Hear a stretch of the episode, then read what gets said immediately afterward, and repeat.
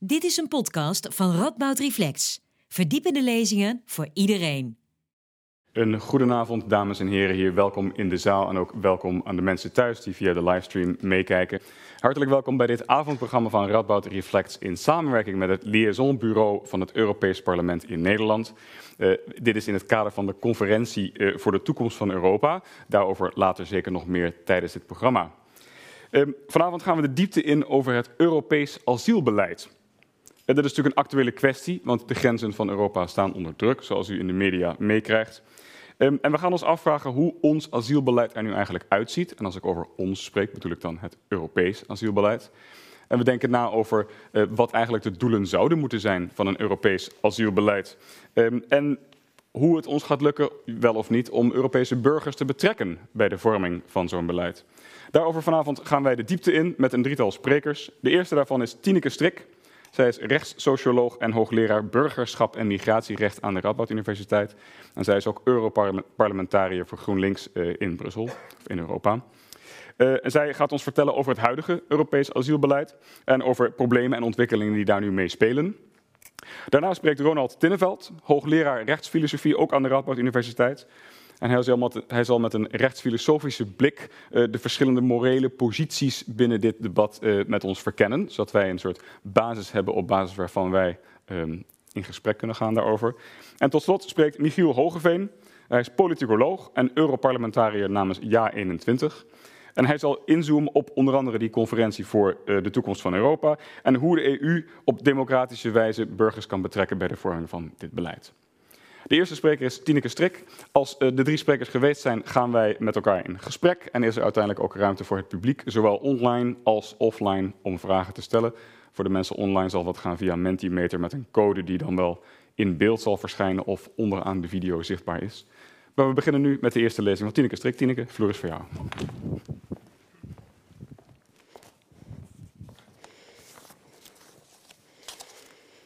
Uh, dank voor de uitnodiging. Welkom allemaal. Eventjes wennen aan het licht, maar dat komt wel goed.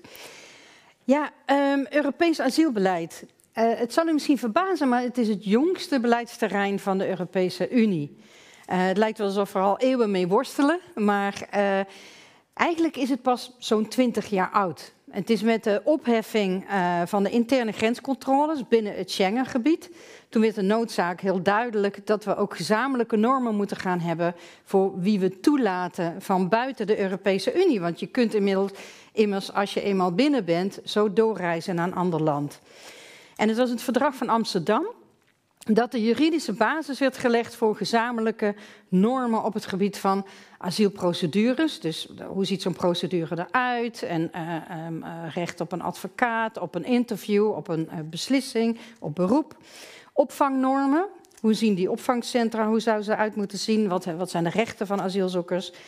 En ook wat is een definitie van een vluchteling? Wie kan zich kwalificeren voor vluchtelingen en welke rechten krijgt iemand die een status krijgt? Nou, deze richtlijnen en verordeningen die dateren vanaf 2003. Uh, en sindsdien hebben wij dus heel concrete regels, veel concreter dan in welk verdrag dan ook ooit was uh, vastgelegd. En het uitgangspunt van dat gemeenschappelijk asielbeleid is dat het niet uit moet maken waar je asielverzoek indient. Omdat je overal dezelfde kansen krijgt en dezelfde uh, rechten hebt, dezelfde behandeling. Tegelijkertijd geldt echter de regel dat je maar één keer een asielverzoek mag indienen. Dus uh, één land wordt verantwoordelijk gemaakt uh, voor een asielprocedure, zodat je niet kan of hoeft uh, door te reizen. Um, en dat land is dan ook verantwoordelijk voor de asielprocedure, maar ook voor terugkeren als je geen bescherming krijgt en integratie als je dat wel nodig hebt. En iemand die doorreist kan in principe worden teruggestuurd naar dat land. En wat is nu de verdelingsregel geworden van meet af aan? Dat is dat het land van eerste binnenkomst die verantwoordelijkheid krijgt en ook houdt. Dus dat betekent de facto dat de landen aan de buitengrenzen van de Europese Unie de grootste verantwoordelijkheid hebben voor asielzoekers die naar Europa komen. En je kunt je voorstellen dat die, uh, dat die niet evenredig is, die verdeling. En sinds we het hebben over een asielbeleid, is dat dus ook de grootste splijtswam en de grootste obstakel om echt tot een gezamenlijk beleid te komen. Griekenland, Italië, Malta, Cyprus, Spanje. Spanje verzette zich vanaf het begin af aan tegen die verdeling, maar zonder resultaat. Ze krijgen daar geen verandering in. En het betekent dus ook, eh, als je beelden ziet van lange wachttijden, slechte kampen, etc., is het ook bijna altijd aan die buitengrenzen. Uh, dat heeft dus te maken met grotere druk, maar misschien ook wel een deel met uh, een soort uh, prikkel, een perverse prikkel zou je kunnen zeggen, dat voor zo'n land ook niet aantrekkelijk is om al te aantrekkelijk te zijn voor asielzoekers. Want als asielzoekers doorreizen, en de situatie is te slecht in het land van eerste binnenkomst, dan kan een rechter terugsturen verbieden, die overdracht verbieden. Dat is heel lang het geval nu al voor Griekenland. Dus mensen die doorreizen naar Duitsland of Nederland kunnen niet terug worden gestuurd naar Griekenland vanwege de barre omstandigheden daar. Dus ja, op papier ziet het er heel mooi uit, hè? allemaal dezelfde regels, uh, uh, onderling vertrouwen. Maar de realiteit is een heel andere en de rechtspraak geldt hier dan eigenlijk als een soort realiteit check, zeg maar, om zeker te weten dat mensen uh, wel recht hebben op een menswaardige behandeling en op asiel. Gaandeweg zijn de regels wel steeds verder geharmoniseerd. Uitzonderingen zijn geschrapt, uh, bepalingen zijn dwingender geworden. En de allerlaatste harmonisatie over opvang en asielprocedure, die is in 2015 in werking getreden. En dat was precies het jaar waarin ook een plotselinge uh, toename van het aantal vluchtelingen te zien was. Uh, sinds 2011 hebben we al de, de oorlog in Syrië. En uh, na een jaar of drie, vier waren de Syrische vluchtelingen, zo'n 3,5 miljoen zijn er in Turkije. Uh, uh, kwam er een beweging in op weg naar een betere plek. Hun spaargeld was op, hun kinderen waren al die tijd niet naar school gegaan. Geen perspectief op terugkeer. En zo kwam er een route op gang die bijna werd gelegaliseerd, werd gefaciliteerd richting nou, door de Balkanlanden, Oostenrijk, Duitsland. U herinnert zich misschien nog wel die, die beelden. En um, aanvankelijk werden die vluchtelingen verwelkomd. Dat was, uh, dat een hele verwarmende, verwelkomende sfeer. Ook in Nederland, mensen werden op het station echt ook welkom geheten en van, van alles en nog wat voorzien. Maar op een gegeven moment sloeg de stemming om. En uh, dat aantal moest worden gestopt. Dat was uh, zeg maar uh, ja, de, het doel van Europese instellingen. Dat heeft geleid tot een hek op de grens tussen Macedonië en Griekenland, waardoor plotseling 60.000 mensen vastkwamen te zitten in Griekenland, waar dus geen opvangvoorzieningen zijn. En een deal met Turkije. De EU sloot een deal met Turkije. Turkije zou iedereen tegenhouden en terug overnemen zolang ze nog op de Griekse eilanden waren in ruil voor snelle toetredingsonderhandelingen tot de EU en voor 6 miljard euro voor betere opvang en toekomst van vluchtelingen en voor grenscontroles. En daartegenover zou de EU één Syrische vluchteling uh, overnemen voor elke Syrische vluchteling die zou worden teruggenomen door Turkije. De één voor één regeling. En sinds deze deal, en je moet even opletten, toen waren er dus al 3,5 miljoen Syrische vluchtelingen in Turkije. En sinds die deal moeten asielzoekers op de Griekse eilanden blijven, anders neemt Erdogan ze niet meer over. En dat is ook de reden waarom we die Moria-beelden zijn gaan zien en, en eigenlijk nu nog steeds uh, hebben. Mensen uh, zitten daar heel lang in, kampen. Als je daar aankomt, krijg je een afspraak voor over anderhalf jaar met, uh, met de asielautoriteiten. Um, de, het kamp is al lang veel te klein, dus er zijn uh, tentjes omheen uh, gebouwd. Um, en asielverzoeken van mensen die uit Turkije komen, die worden niet ontvankelijk verklaard, niet inhoudelijk behandeld, omdat je terug kan naar Turkije. Maar Erdogan neemt al anderhalf jaar geen mensen terug. Dus sindsdien zitten mensen daar uitgeprocedeerd zonder perspectief. Ze kunnen niet terug, ze mogen niet naar het vasteland, uh, op straat of in detentie. Ook niet-Syrische vluchtelingen worden steeds meer afgewezen door Griekenland, terwijl Turkije geen asiel, uh, werkende asielprocedure kent, uh, geen opvang en ook niet het vluchtelingenverdrag heeft ondertekend. Nou ja, dit, dit, is de situatie die u misschien wel een beetje kent. En, en dit gaat dus over het proberen afspraken te maken met andere landen. Maar ook het interne uh, systeem wilde de Europese Commissie veranderen. Um, uh, na die toename van vluchtelingen zei de commissie: we gaan een heel ander pakket samenstellen. We gaan die wetgeving aanpassen. Ze zijn toen in 2016 met een heel pakket aan voorstellen gekomen. Maar geen enkel voorstel uh, kwamen de lidstaten, uh, hadden, kregen daar overeenstemming over. Ze hebben vier jaar lang onderhandeld, er is niks uitgekomen. Het parlement heeft overal een positie op ingenomen, maar voordat je kan onderhandelen tussen parlement en raad, ja, heb je beide partijen natuurlijk nodig. Toen kwam de nieuwe commissie uh, twee jaar geleden en zei: Wij gaan het helemaal opnieuw doen. Uh, nieuwe start, we gaan nieuwe voorstellen maken. We gaan echt afscheid nemen van de Moria-kampen, uh, van de lange wachttijden in de grenslanden. We gaan ja, schendingen, mensenrechtsschendingen aan de grens voorkomen. September vorig jaar heeft de commissie die voorstellen ingediend. En de verwachtingen waren best hoog gespannen, omdat de commissie het had over we gaan het nu beter gelijk verdelen. Dus de teleurstelling was best groot toen we zagen dat dat voorstel nog steeds inhoudt. Het land van eerste binnenkomst is verantwoordelijk. Dat blijft gewoon zo.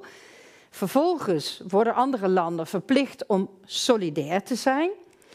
Maar ze mogen kiezen hoe ze dat doen. Ze kunnen geld geven, ze kunnen uh, helpen bij de terugkeer, ze kunnen ambtenaren sturen of asielzoekers overnemen.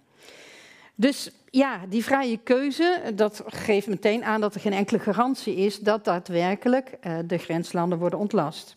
Er is een verplichte screening aan de grens op, op, op veiligheid, op identiteit.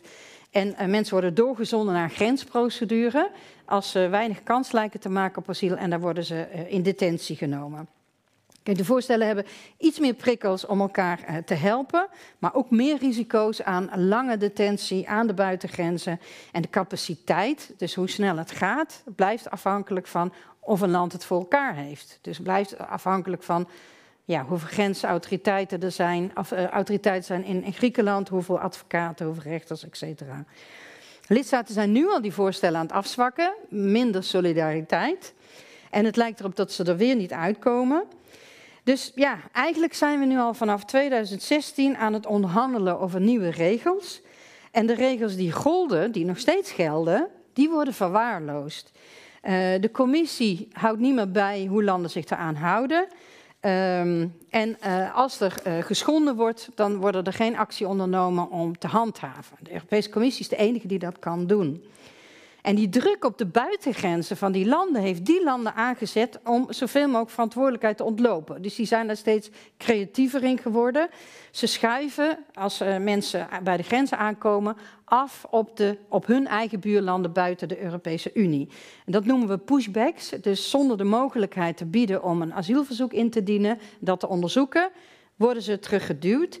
En in het begin gebeurde dat s'nachts en meer incidenteel. Maar omdat de actie uitbleef, het, het mag kennelijk, gebeurt het overdag, gebeurt het veel systematischer. En is het nu eigenlijk in bijna alle grenslanden de praktijk.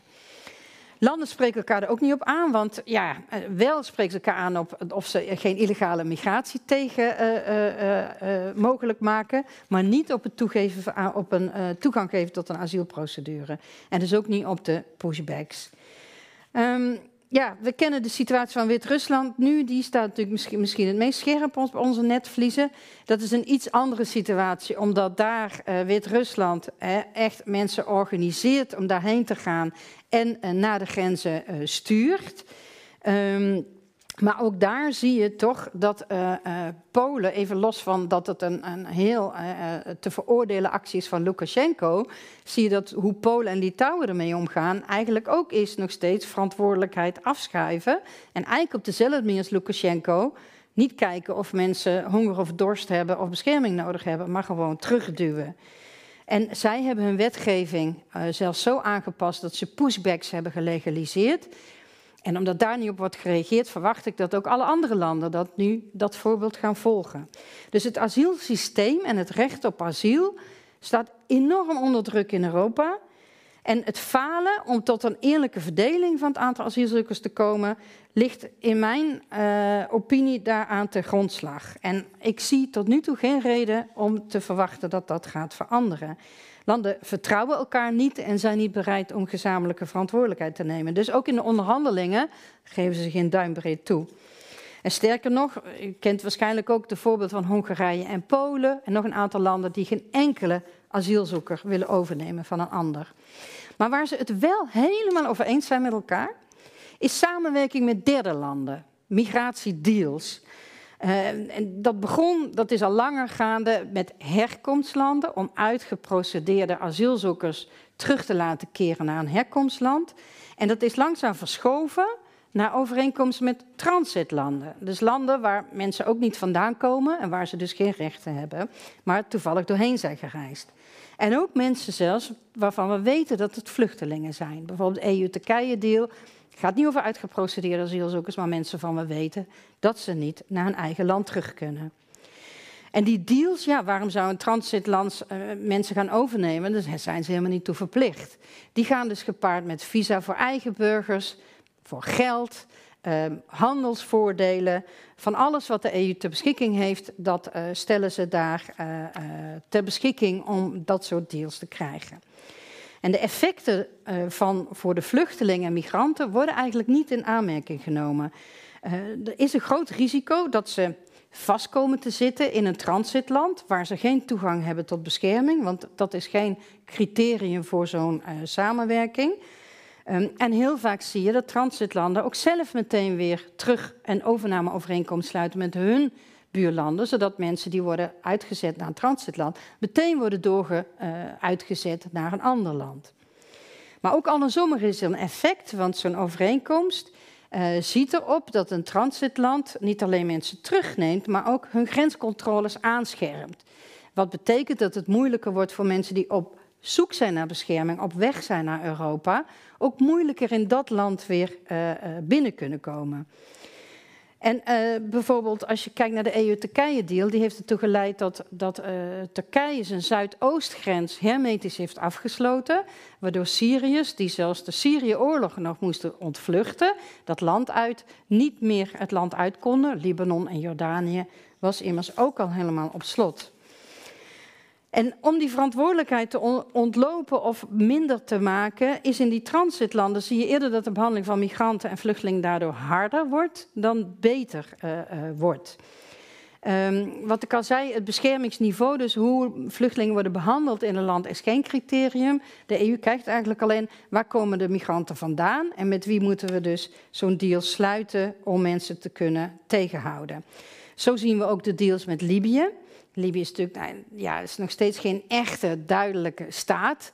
Um, daar toch is met de autoriteiten afgesproken dat ze heel veel geld krijgen, waarmee zij een kustwacht hebben opgetuigd. En die kustwacht vist iedereen op uit zee, uit de Middellandse Zee, brengt ze linea recta naar detentiekampen, waar ze worden gemarteld en worden behandeld als slaven. Dit weet iedereen, dit is gewoon bekend. Maar de EU financiert dit om migranten te kunnen tegenhouden. Ja, en dat roept natuurlijk heel veel vragen op, morele vragen en juridische vragen van wie is hier nou verantwoordelijk voor dat de mensenrechten van die mensen zo uh, uh, vreselijk worden geschonden.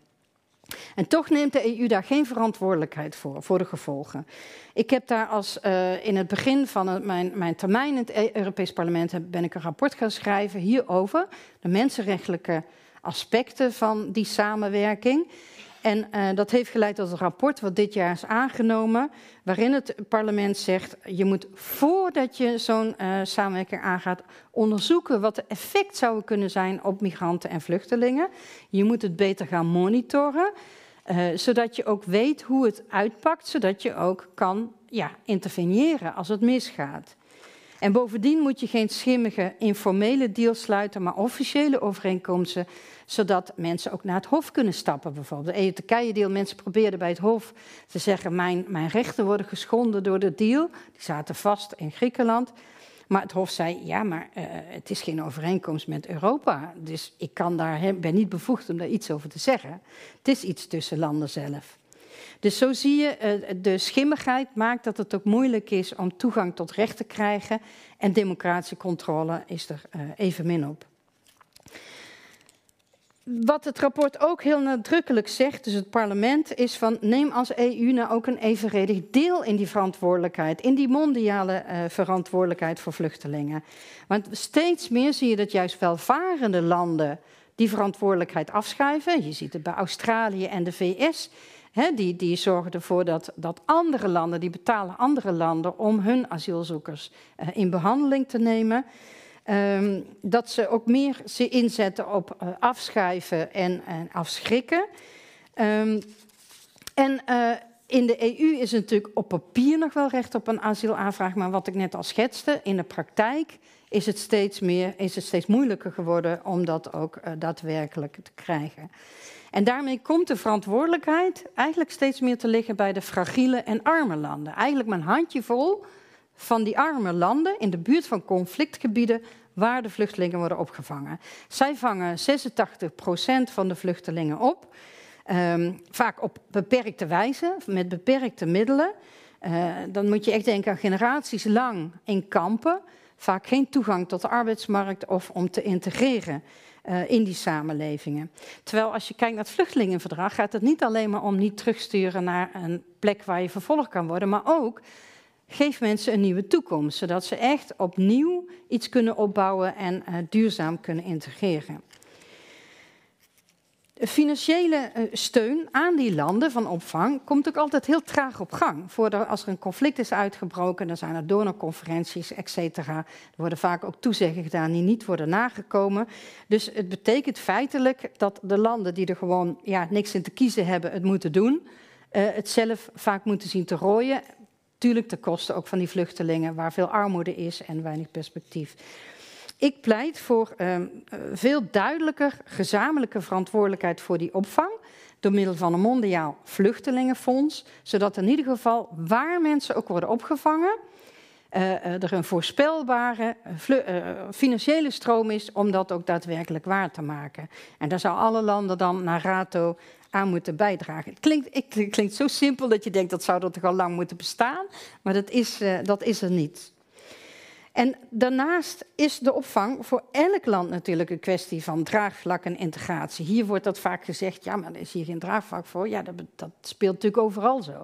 En hoe groter je die druk maakt, hoe moeilijker voor vluchtelingen. En juist daarom is die verantwoordelijkheidsverdeling zo belangrijk. UNHCR heeft al uh, eerder becijferd ongeveer 10% van de mensen die in de regio worden opgevangen zijn te zwak of te ziek om daar genoeg te hebben aan de zorg die ze daar kunnen krijgen.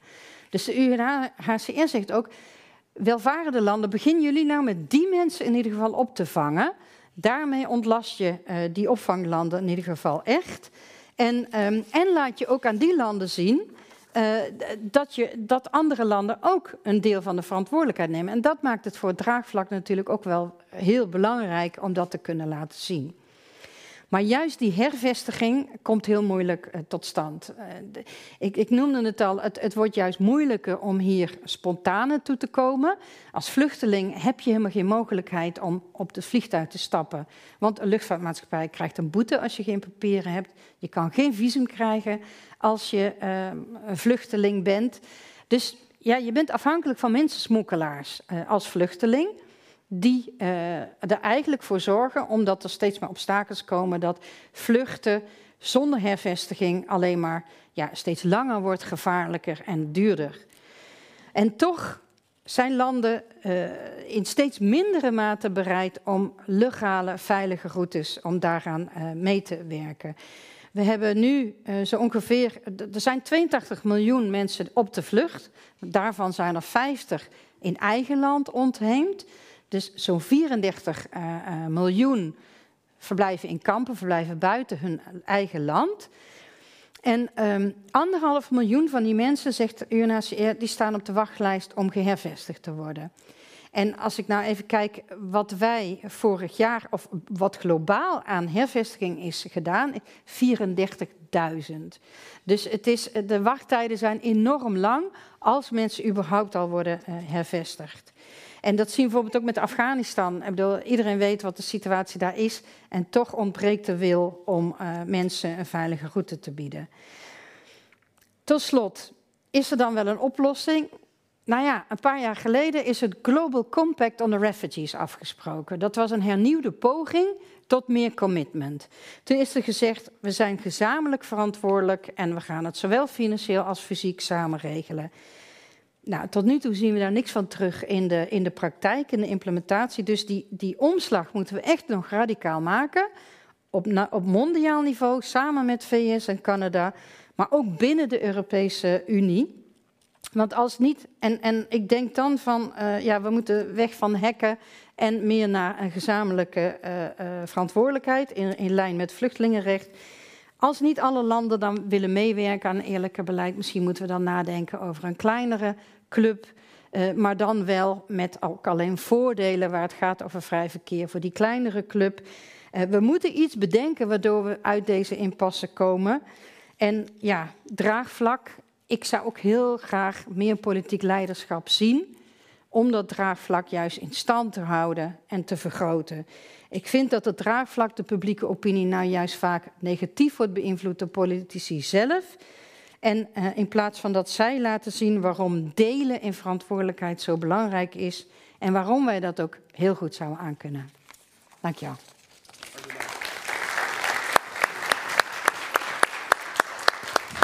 Heel hartelijk dank, Tineke. Ik nodig je uit om eventjes plaats te nemen terwijl het katheter ontsmet wordt. En we blijven volgens de regels werken.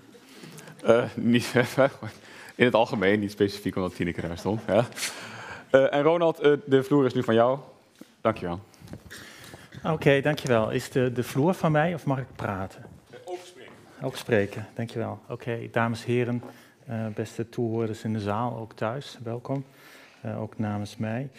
Um, ja, wat ga je als, als filosoof natuurlijk uh, zeggen als je tussen twee parlementariërs instaat? Ik heb daar even over nagedacht en ik, uh, ik heb gekozen voor een neutraal uh, praatje vandaag. Dus we gaan kijken hoe ver we komen.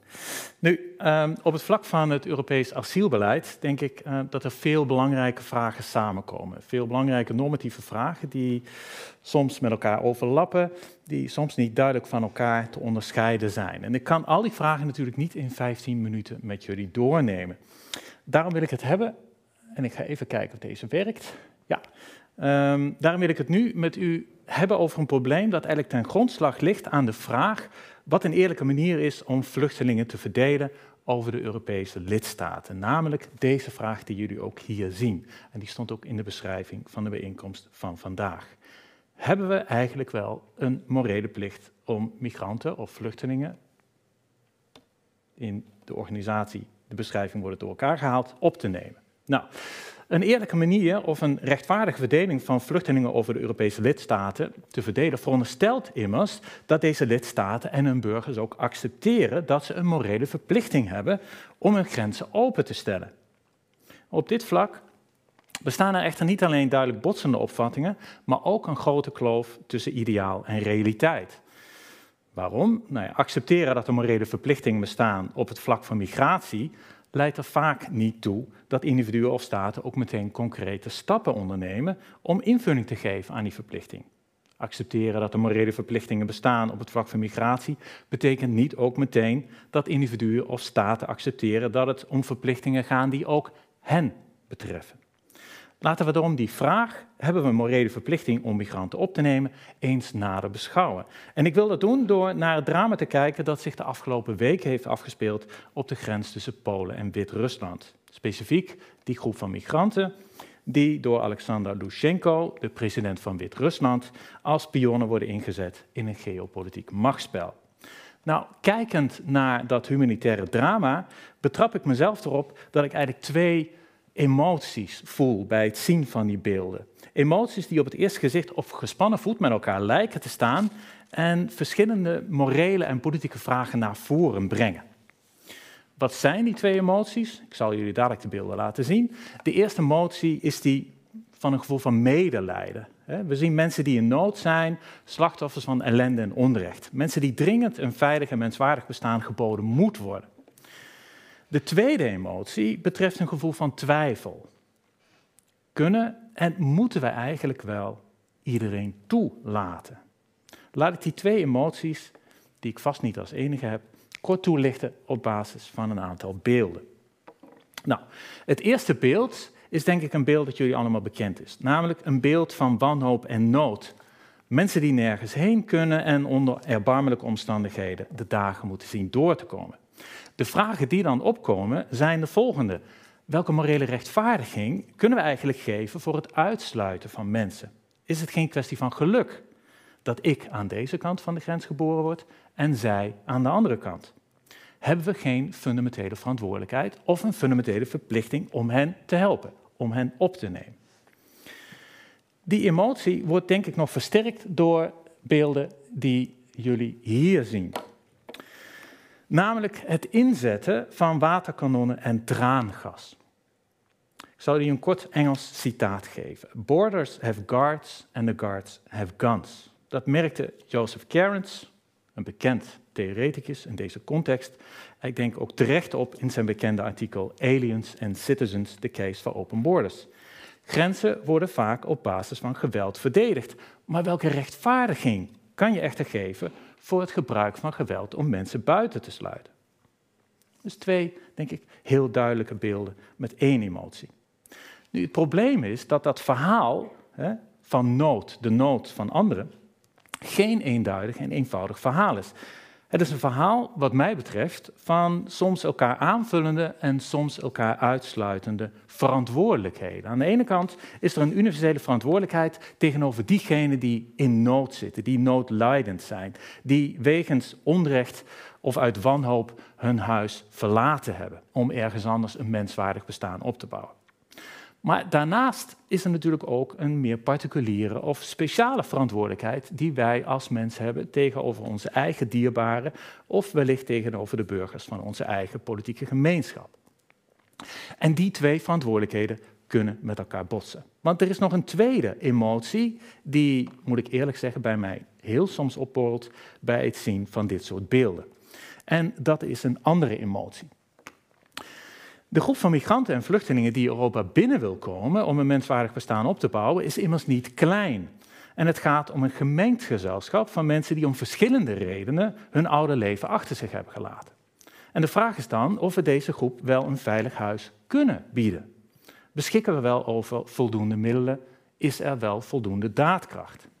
En die twijfel kan nog versterkt worden wanneer we inzien dat ook aan de andere kant van de grens door migranten geweld lijkt gebruikt te worden.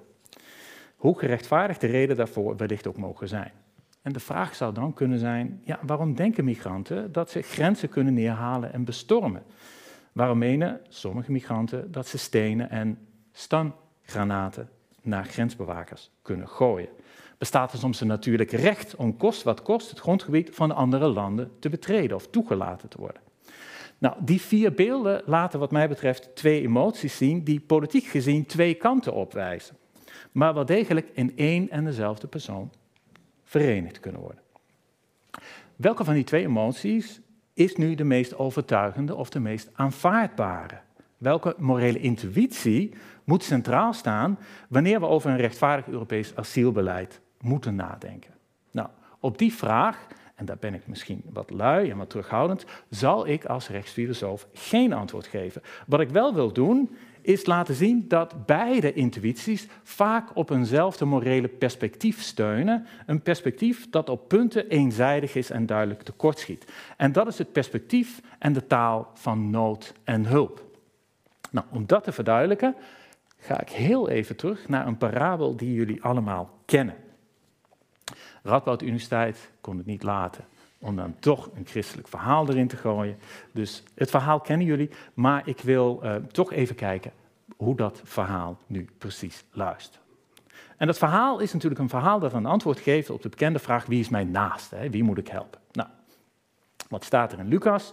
Heel kort, ik citeer even. Er was eens iemand die van Jeruzalem naar Jericho reisde en onderweg werd overvallen door rovers die hem zijn kleren uittrokken en hem daarna halfdood achterlieten. Toevallig kwam er een priester langs, maar toen hij het slachtoffer zag liggen, liep hij met een grote boog om hem heen. Er kwam ook een leviet langs, maar bij het zien van het slachtoffer liep ook hij met een boog om hem heen. Een Samaritaan echter, die op reis was, kreeg medelijden toen hij hem zag liggen. Hij ging naar de gewonde man toe, goot olie en wijn over zijn wonden en hij verbond ze. Hij zette hem op zijn eigen rijdier en bracht hem naar een logement waar je hem verzorgde. Nou, wie is in dit verhaal mijn naaste? Het antwoord dat gegeven wordt is de man die medelijden met hem heeft getoond. En het woord medelijden staat wat mij betreft hier centraal. Want dat verhaal van die barmhartige Samaritaan laat denk ik twee kanten zien. Twee kanten die je kunt verbinden met die twee emoties waar ik net over heb gesproken. Nou, wat dat verhaal van die barmhartige Samaritaan eigenlijk zo'n krachtig verhaal maakt, is omdat het enerzijds het mogelijk maakt om aan te geven dat wij als burgers, maar wellicht ook wij gezamenlijk als politiek gemeenschap, een belangrijke humanitaire verantwoordelijkheid hebben om mensen die in nood zijn te helpen en hen een minimaal menswaardig bestaan te bieden. Wie tegen een geringe kosten van zichzelf een ander kan helpen, individueel of collectief, die moet dat doen. Daarmee handel je ethisch goed. Dat is de ene kant, denk ik, van dat verhaal. Tegelijkertijd, en dan komen we aan de andere kant van het verhaal, heeft dat gebruik van het verhaal van die barmhartige Samaritaan om naar migratie te kijken ook een andere zijde, wellicht een schaduwzijde. Indien we de vraag naar plichten voor migranten namelijk vooral bekijken vanuit dat perspectief op de taal van positieve verplichtingen, van nood en hulp, van de verantwoordelijkheid voor onze naasten, de verantwoordelijkheid voor de nood van anderen, dan wordt het namelijk ook heel eenvoudig om te stellen dat deze plicht juist een heel beperkte rijkwijde heeft en op gespannen voet staat met de plicht om voor onze eigen dierbaren of medeburgers op te komen. En ik noem twee voorbeelden. Wie gevraagd wordt om op basis van een kleine instemming, sorry, kleine inspanning in termen van geld of tijd iemand te helpen, die zal wellicht snel geneigd zijn om dat te doen. Indien we echter met een grote groep noodlijdenden worden geconfronteerd, zal al snel een tegengeluid te horen vallen. Hebben we wel genoeg geld of hebben we wel genoeg tijd om anderen te helpen? Houden we voldoende tijd en geld over om voor onze eigen dierbaren te zorgen? Wat als dat slachtoffer uit het verhaal van de barmhartige Samaritaan niet enkel naar een logement gebracht moet worden, maar we onze naasten in ons eigen individuele of collectieve huis moeten opnemen. Willen we dat? Kunnen we dat? Hebben we voldoende ruimte in ons individuele of collectieve huis? Kunnen we wel samenleven met zoveel verschillende mensen? Is er wel draagkracht? Op de tweede plaats geeft het louter spreken over nood en hulp ook aanleiding tot de roep om een zeer streng onderscheid te maken tussen de groep van mensen die echt als vluchteling gezien worden en die groep die om economische reden hun huis verlaten en volgens sommigen misbruik zouden willen maken van onze goedwillendheid en generositeit. Nou, in het kader uh, van grenzen en migratie kan dat verhaal van die barmhartige Samaritaan dus ook voor een tegendeel gebruikt worden en omslaan in een ander verhaal. Namelijk juist om mensen niet te helpen of om mensen wel te helpen, maar dan het liefst niet hier, maar in hun eigen regio. Nou, waar komt die dualiteit vandaan? Wat mij betreft vooral vanuit de gedachte dat er geen relatie bestaat tussen de Samaritaan en de gewonde man die hij langs de kant van de weg vindt. Wie naar migratie kijkt vanuit die idee van nood en slachtofferschap, die pretendeert dat er geen verbondenheid is tussen ons en degene die aan onze grenzen staan. En ik denk dat daarmee een belangrijk verhaal uit beeld verdwijnt. Nou, wat verdwijnt er dan uit het beeld? Nou, ik dacht eerst, ik ga het via vier keer klikken doen, maar ik ga het gewoon in één keer doen. Sorry. Zo. Uh, wat verdwijnt er dan uit beeld? Nou, precies het feit dat in het verhaal van die barmhartige Samaritaan dus een soort lotsverbondenheid verdwijnt. Maar wat we moeten zeggen is dat er wel degelijk sociale, economische, politieke, maar ook juridische relaties bestaan tussen groepen aan beide kanten van de grens. We leven in een wereld waarin ons lot verbonden is met dat van anderen. Een wereld waarin onze geschiedenis verbonden is met die van anderen. Een geschiedenis die door veel factoren wordt gekenmerkt. Soms goed, maar soms ook niet. Denk aan slavernij, kolonialisme, het hertrekken van grenzen of economische uitbuiting. We leven in een wereld waarin onze welvaart verbonden is met de economische situatie van anderen. Een wereld waarin we onze politieke instituties delen met anderen. Een wereld waarin we rechten en juridische regels en verklaringen delen met anderen. Ons lot is met andere woorden verbonden met het lot van migranten. Soms hebben wij of andere Europese landen juist bijgedragen aan de gewelddadige conflicten, economische neergang of politieke instabiliteit, waardoor mensen zich genoodzaakt voelen om een land te verlaten en op zoek te gaan naar een veilig en menswaardig bestaan. En wat we tevens niet moeten vergeten, is dat die Europese gemeenschap ook zelf steunt op bepaalde universele waarden. Juist het fundamentele belang van een menswaardig bestaan voor een ieder. Met de nadruk op één ieder. Nou, hoe sluit ik af? Nou, ik denk dat onze debatten over migratie eigenlijk in wezen gaan over een morele kijk op de wereld om ons heen. Hoe vinden we dat onze relatie met anderen eruit moet zien? Hoe ziet een rechtvaardig Nederland eruit? Hoe ziet een rechtvaardig Europa eruit? Of hoe ziet een rechtvaardige wereld eruit? En tenslotte, welke plaats hebben mensen buiten onze landsgrenzen in die wereld? Nou, welk moreel antwoord op die vragen die juist is, welk beeld of welke emotie of welke morele intuïtie, dat heb ik niet aangegeven. Wat ik wel denk dat belangrijk is, is dat een eenvoudige analyse of een eenvoudige blik op het Europese asielbeleid op basis van de taal van nood of hulp of overvraagd worden tekortschiet. Wat we moeten accepteren is juist een aspect van lotsverbondenheid en wellicht dat we niet over verantwoordelijkheid moeten spreken, maar over een verplichting die verder reikt en verder gaat dan louter de vraag om iemand te helpen. Oké, met dank voor jullie aandacht.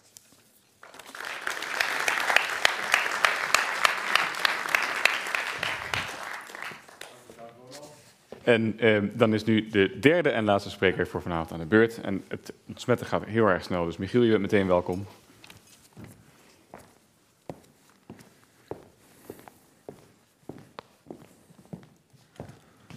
Dankjewel. En wat ontzettend leuk om hier te zijn vanavond. Ik reed in de auto vanuit uh, Brussel naar Nijmegen en ik reed over, over de Waal. En ik bedacht mij dat ik de laatste keer dat ik in Nijmegen was, was ik nog politicologie-student. En kwam ik iedere vrijdag naar Nijmegen om, om Model United Nations te spelen.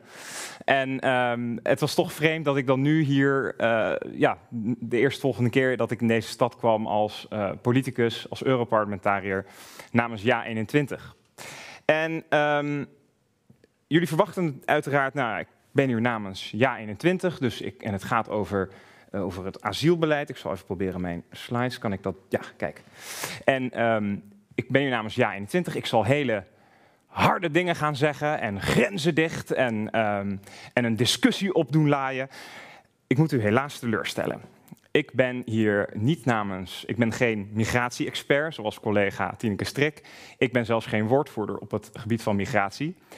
Ik ben woordvoerder op economische en monetaire zaken, op internationale handel en op vrouwenrechten en gendergelijkheid. En hoewel daar zeker een aspect van migratie aan te pas komt, ben ik hier voornamelijk om u te informeren over iets en dat heet, en dat is ook hetgeen waarom we hier vanavond zijn, dat is namens de conferentie over de toekomst van Europa. En ik zou graag eerst van u willen weten, wie is bekend met de conferentie over de toekomst van Europa? Nou, ik zie één, twee handen.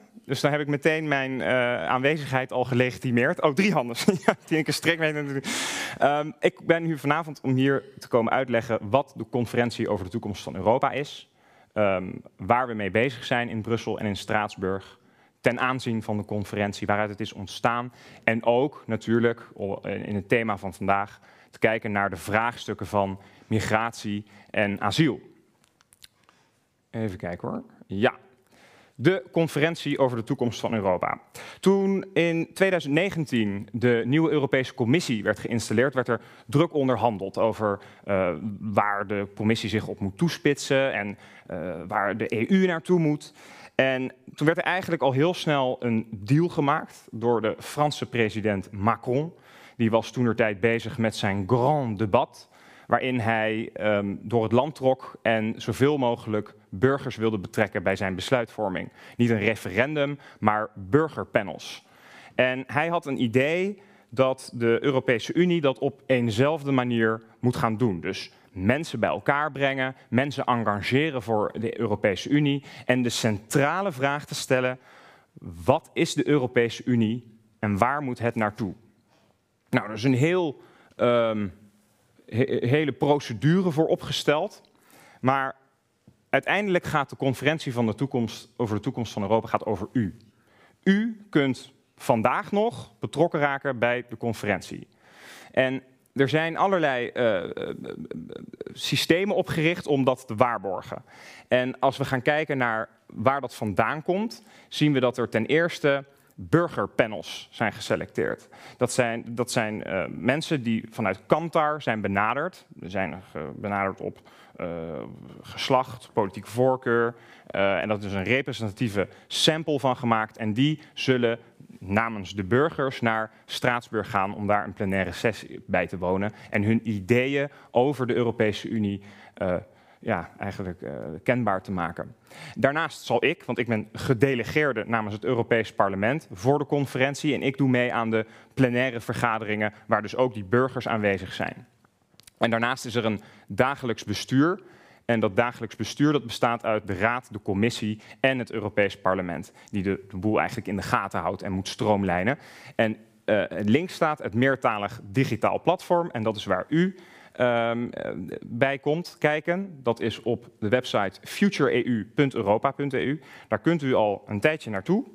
En uh, daar, kunt u kijken, daar kunt u uw ideeën insturen. Dus als u vanavond nou de presentaties van Tineke Strik en um, uh, straks het paneldiscussie hebt gevolgd en u denkt, nou, ik heb, uh, ik, heb zelf ook ideeën, dan kunt u dat dus via die website, kunt u uw ideeën daar indienen. En daar moet de conferentie iets mee gaan doen. Dus die belofte, die hebt u alvast. Even. Ja. Um, de conferentie is verdeeld over tien thema's. We kijken naar klimaatverandering, uh, naar gezondheidszorg, een sterke economie. Dat is persoonlijk waar, waar ik gedelegeerde voor ben. We kijken naar uh, de EU in de wereld. Dus wat is het? Is er een gemeenschappelijk Europees buitenlandbeleid nodig? Waarden en rechten, dat is ook waar de presentaties zojuist over gingen. Wat zijn nou de Europese waarden? Waar staan we voor? En ook ten aanzien van het asielrecht. Waar, wat willen wij als Europa nou? Uh, digitale transformatie, Europese democratie, migratie, waar ik straks nog wat over zal uitweiden hoe dat gaat in de, Europe of in de, in de conferentie. En uh, onderwijs. En ja, dus er mogen dus ook nog andere ideeën komen en die moeten dus van u komen. Um, en ik zal even uitweiden over het meertalig digitaal platform waar u dus naartoe, naartoe kunt. Tot nu toe zijn er um, 35.781 bijdragen en um, uh, geleverd. En ik wil even kijken naar wat er wordt gezegd bij de events. Dat zijn er tot nu toe 4001. Dit is één van die events. En u kunt zelf ook een event organiseren. Dus u kunt ook op het meertalig uh, platform, als u dus een idee hebt, kunt u ook zeggen, nou, ik wil er graag wat meer uh, body aan geven, ik wil graag andere mensen erbij betrekken. Dan kunt u dus ook ideeën indienen om een event te organiseren. En daar is dus ook geld voor beschikbaar. De burgerpanels, waar ik het net al over had. Uh, ik zal straks verder uitweiden over hoe migratie er aan toe gaat. En de plenaire vergadering, kan ik ook nog even kort wat over zeggen, is hoe dat nu precies is gegaan. Er is nu één plenaire vergadering geweest. Um, over het algemeen werd daar um, gematigd op gereageerd. Uh, er waren Europarlementariërs, er waren nationale parlementariërs en er waren dus ook burgers. En uiteindelijk liep dat nog heel erg door elkaar. Um, en namen vooral Europarlementariërs het woord en nationale parlementariërs en werden de burgers eigenlijk een beetje op de achtergrond gezet en die werden te weinig gehoord. We hebben gisteren daar een evaluatie over gehad. En um, in december is een nieuwe plenaire vergadering. En dan is het eigenlijk de bedoeling dat wij als politici ons mond houden en naar de burgers gaan luisteren. En dat, ook, en dat de burgers ook beter tot hun recht komen en dat er beter ideeën vanuit de samenleving worden gewaarborgd. De nou, dit is het dagelijks bestuur, daar kan ik ook nog even wat leuks over vertellen.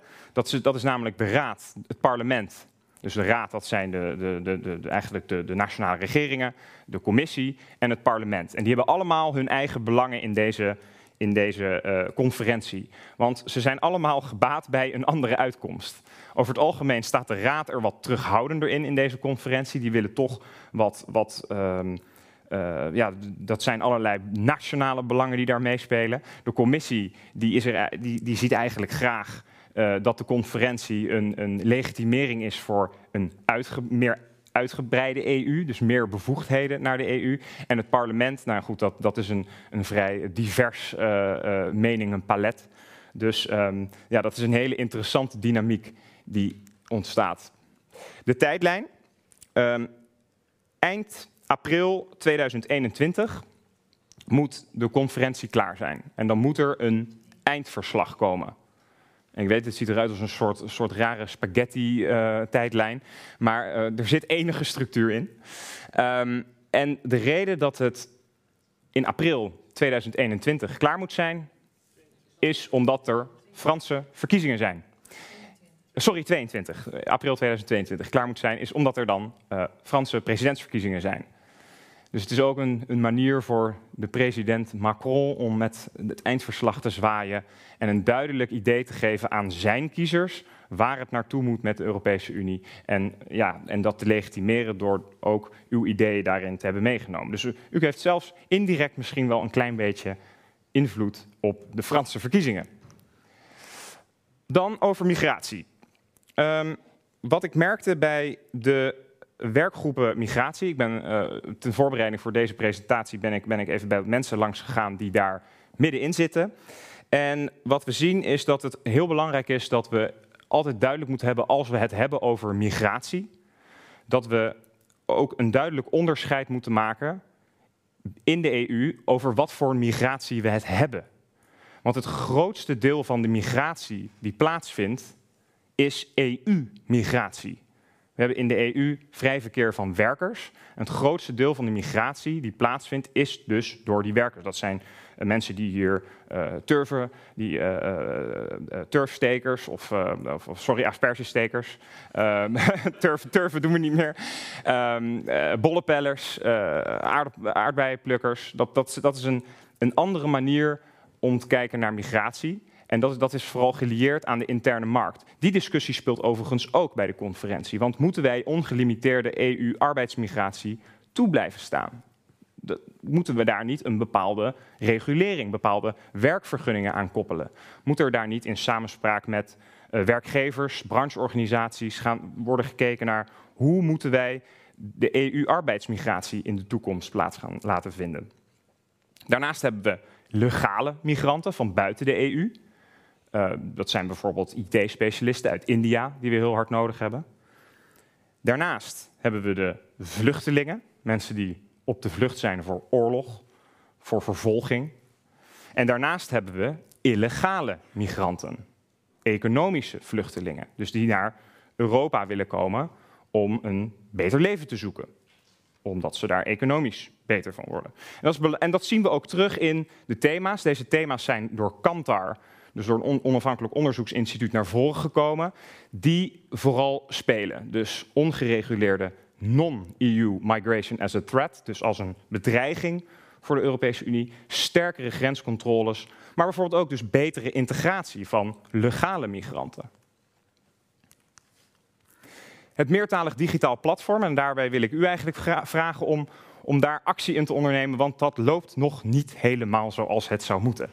Um, als we kijken op de ideeën die zijn ingediend, dan is het meest. Uh, is het idee wat het meeste uh, aanspraak had, dat was van een, ja, eigenlijk een soort NGO. En de ander was van een heer die heet Felix uh, Kofu, die graag alle immigratie wil stoppen. Dus het loopt nog niet echt. Um, en ja, ik roep aan iedereen op om ook te kijken op de website. Nogmaals, als u idee hebt, dien die ideeën in. En uh, kijk vooral naar um, en probeer ook mensen daarin te engageren, zodat die conferentie ook echt een afspiegeling gaat zijn van wat de mensen willen en vinden.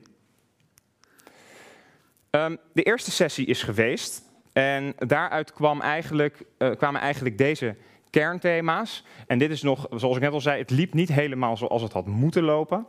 Uh, en dit zijn eigenlijk hele holistische termen, die dus in de vervolgsessies, dus in de volgende sessies, verder worden uitgewerkt. Dus tussen de burgerpanels, tussen de nationale parlementariërs en tussen de Europarlementariërs.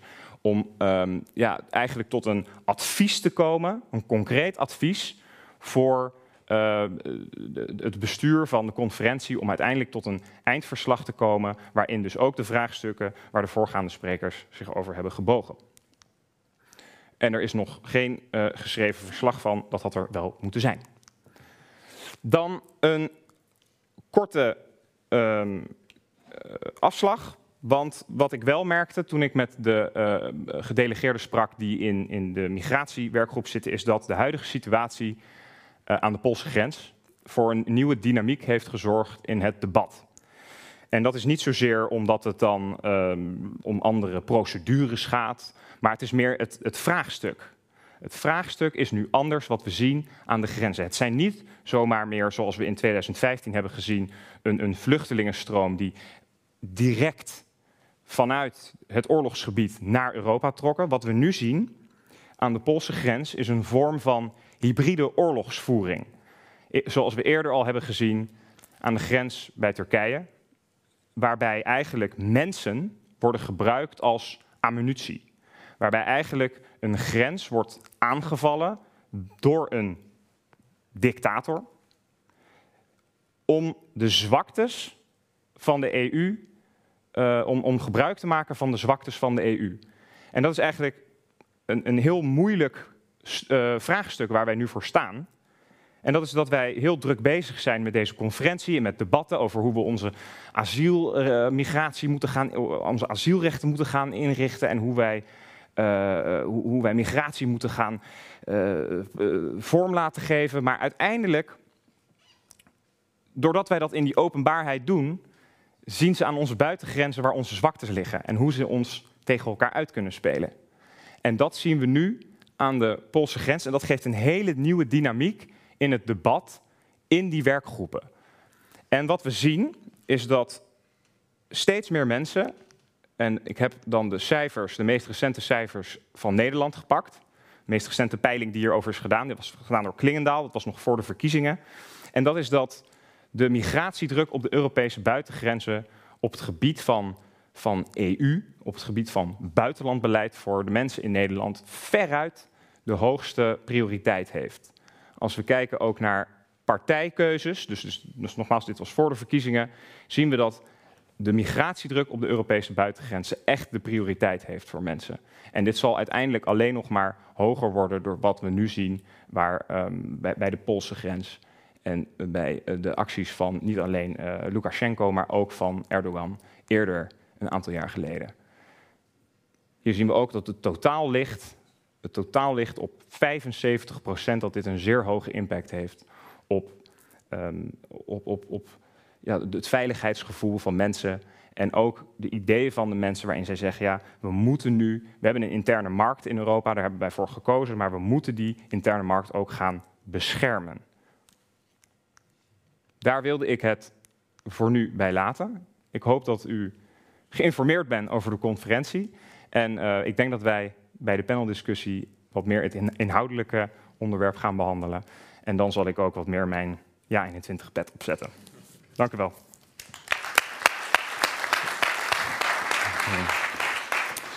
Heel hartelijk dank. Ik zou graag uh, zonder verdere uh, vertraging de sprekers willen uitnodigen om plaats te nemen. Dan kunt u met elkaar in gesprek. En ik zal af en toe een knuppel in het hoenderhok gooien. We gaan natuurlijk de diepte in. Het is hier overigens, dat is goed om nog even te benadrukken misschien, natuurlijk een Radboud Reflex bijeenkomst. Dus we zijn niet een, een, eh, een politiek kanaal. We gaan hier, we zoeken de diepte in. Um, of althans, we zoeken de verdieping, excuus. Maar het kan zijn dat er misschien wel wat discussie loskomt. Om toch te doen alsof ik daar niet op aanstuur, begin ik denk bij Ronald. En uh, ik had het over een knuppel. Jij, jij als filosoof, als je dan heel, ik mag het ook spreken op die manier, ik, hoef jou, ik mag dus de professie wel aanvallen. Um, zei je nou, ik ga lekker neutraal doen. Zo, ik doe alsof ik geen positie inneem. Maar toch um, proefde ik in het, in het belangrijkste onderscheid dat jij besprak, eigenlijk toch een positie binnen het debat. En jij gaf aan, uh, we moeten weg van die taal van nood en hulp. En daar, daarvan moeten we in de plaats een taal van gemeenschap en verbondenheid gaan hanteren. Uh, ja, hoe neutraal is dat? Um, ik, ik, vind het een hele goede vraag. Maar dat heeft natuurlijk ook te maken met, met wat je als wetenschapper doet. Um, en wat je kunt laten zien is natuurlijk dat er twee verschillende manieren zijn om naar dit soort kwesties te kijken. Mhm. Maar dat wellicht voor de ene manier van kijken net iets betere papieren zijn dan de andere. Maar ik laat het aan de, de toehoorder over om een keus te maken. Nee, het punt dat ik wil maken is eigenlijk deze. Um, ik hoorde het ook bij, bij uh, collega Tineke Strik. Ze sprak over gelijk verdelen, solidair zijn met. Ik heb even meegeschreven hoor. We moeten delen in verantwoordelijkheid. Um, het geeft ook aan alsof we te maken hebben met een probleem waarbij we geconfronteerd worden met mensen die we moeten helpen, daarna eerlijk verdelen. En de vraag is wie gaat dat opnemen en wie gaat dat niet opnemen. En ik denk uh, dat ik als filosoof dan wel wil wijzen op het feit dat zo'n manier van uh, uh, dit soort problemen neerzetten heel sterk stoelt op de gedachte uh, dat we geconfronteerd worden met een probleem waar we eigenlijk niks mee te maken hebben. En dat dan de vraag is, moeten we solidair zijn of niet? Terwijl als we gaan kijken naar hoe de wereld in elkaar zit op Europees vlak, op sociaal, economisch, politiek of juridisch vlak, als we gaan kijken hoe vluchtelingenstromen tot stand komen, ja, dan moeten we gewoon tot de constatering komen dat wij wel degelijk ergens een verbondenheid hebben met degene die zich genoodzaakt voelen om die grenzen van Europa op te zoeken en ook binnen te komen. Mhm. Als dat zo is, dus als er wel degelijk een bepaalde verbondenheid is, een lotsverbondenheid, en dan bedoel ik nog niet een verantwoordelijkheid, maar als er een, een, een verbondenheid zit op sociaal, economisch, politiek vlak, dan verandert eigenlijk die relatie die je hebt met die migranten die aan die buitengrenzen van Europa staan. Dan verandert uh, het spreken, denk ik, van verantwoordelijkheid naar een verplichting. Uh, het spreken over verantwoordelijkheid suggereert alsof er een probleem is. Daar worden we mee geconfronteerd. En nu moeten we iets doen. We voelen ons niet aangesproken. En het liefst willen we het probleem niet oppakken en de hete aardappel doorschuiven. Door te spreken over eerlijk verdelen, et cetera, ja, pakken we die, die verantwoordelijkheid eigenlijk niet op. Mhm. Dat bedoel ik niet kritisch, hè, maar ik denk dat de taal dat ook met zich meebrengt. Ja. Maar in, het, dat onderscheid waar, Michiel ook naar verwees, dat dan gemaakt werd, van, we moeten wel goed nadenken over wat voor een soort migrant we het over hebben. Is dit een economisch migrant of is dit echt een vluchteling die, die, die uit, uit, een noodsituatie komt? En jij zei, nou ja, als we, als we vanuit die andere taal gaan spreken, wordt het maken van dat onderscheid minder cruciaal. Maar hoe zie je dat precies voor je? Nou, ik wil niet zeggen dat het maken van het onderscheid niet belangrijk is, maar ik denk wel dat als uh, de reden waarom mensen genoodzaakt voelen om een veilig of beter bestaan in Europa op te bouwen, als die achtergronden economisch van aard zijn, mm-hmm. ja, dan kun je ze natuurlijk zien als uh, gelukzoekers. Maar het kan ook perfect zo zijn dat de economische relatie tussen Europa als vrij welvarende regio en ontwikkelingslanden zodanig is dat daar een causale relatie tussen bestaat. De welvaart van de een kan soms gerelateerd zijn aan de relatieve armoede van de ander. Als dat een reden is waarom mensen gaan bewegen, hebben we een hele andere dynamiek hè, dan wanneer je daar geen relatie mee wil hebben. Dus ik denk dat het onderzoeken van welke relaties bestaan er, het eerlijk erkennen van hoe de wereld functioneert en in elkaar zit, gewoon een achtergrond moet zijn om na te denken over wat een rechtvaardig Europa is en een rechtvaardig asielbeleid. Botst niet noodzakelijk, nee. nee. En Tineke, jij had het over uh, een, uh, eigenlijk een, uh, het idee dat vanuit de politiek meer een een draagvlakcreatie zou moeten plaatsvinden. Uh, dat is eigenlijk het pleidooi waar je mee eindigde. Mm-hmm. Je zei, we zouden eigenlijk, of, of, we, en dan spreek ik even vanuit jouw perspectief als politici, zouden meer moeten doen om uh, draagvlak te creëren. Uh, en eigenlijk als ik even in abstract kijk naar het verhaal dat jij vertelde, Michiel, is het is het meer, we moeten meer, in plaats van dat wij draagvlak moeten creëren, moeten wij gaan luisteren naar welk draagvlak er al bestaat. Zo, als ik even in heel abstracte zin kijk naar uh, de conferentie voor Europa, dat is eigenlijk, je zegt het ook, we moeten echt naar de burgers gaan luisteren. Mm-hmm. Dus hier lijkt een soort uh, ja, van twee kanten input uh, te moeten komen. En jullie lijken misschien, als ik dan jou even plaats in het kamp van mensen die de, de, conferentie voor Europa ehm, willen bepleiten, dat daar een soort verschil in zit. Want Tineke, denk je ook dat, dat, er, dat de, de conferentie voor de toekomst van Europa dat daar uh, heil in te vinden is als het gaat om dit migratiebeleid? Um, ik, vind het wel, ik vind het wel een heel interessante ontwikkeling inderdaad. Ik ben benieuwd wat daaruit komt. Uh, maar um, wat, wat ik eigenlijk vooral wilde zeggen is van het draagvlak is niet een... Um, een, een, statisch iets, iets wat buiten onszelf staat. Dat, uh, de draagvlak publieke opinie is natuurlijk ook heel erg um, onder invloed van wat um, bekende mensen of autoriteiten of wie dan ook naar voren brengen. En, en als je het hebt over nou ja, veel angstbeelden en wat je ook vertelt, wat er in die conferentie naar voren komt. Um, ja, dan leg ik toch ook de link met hoe uh, vluchtelingen ook vaak worden uh, neergezet of geframed. En, en dan zie je dat nou ja, veel politici ook de neiging hebben om via die band zeg maar, angstgevoelens te vergroten.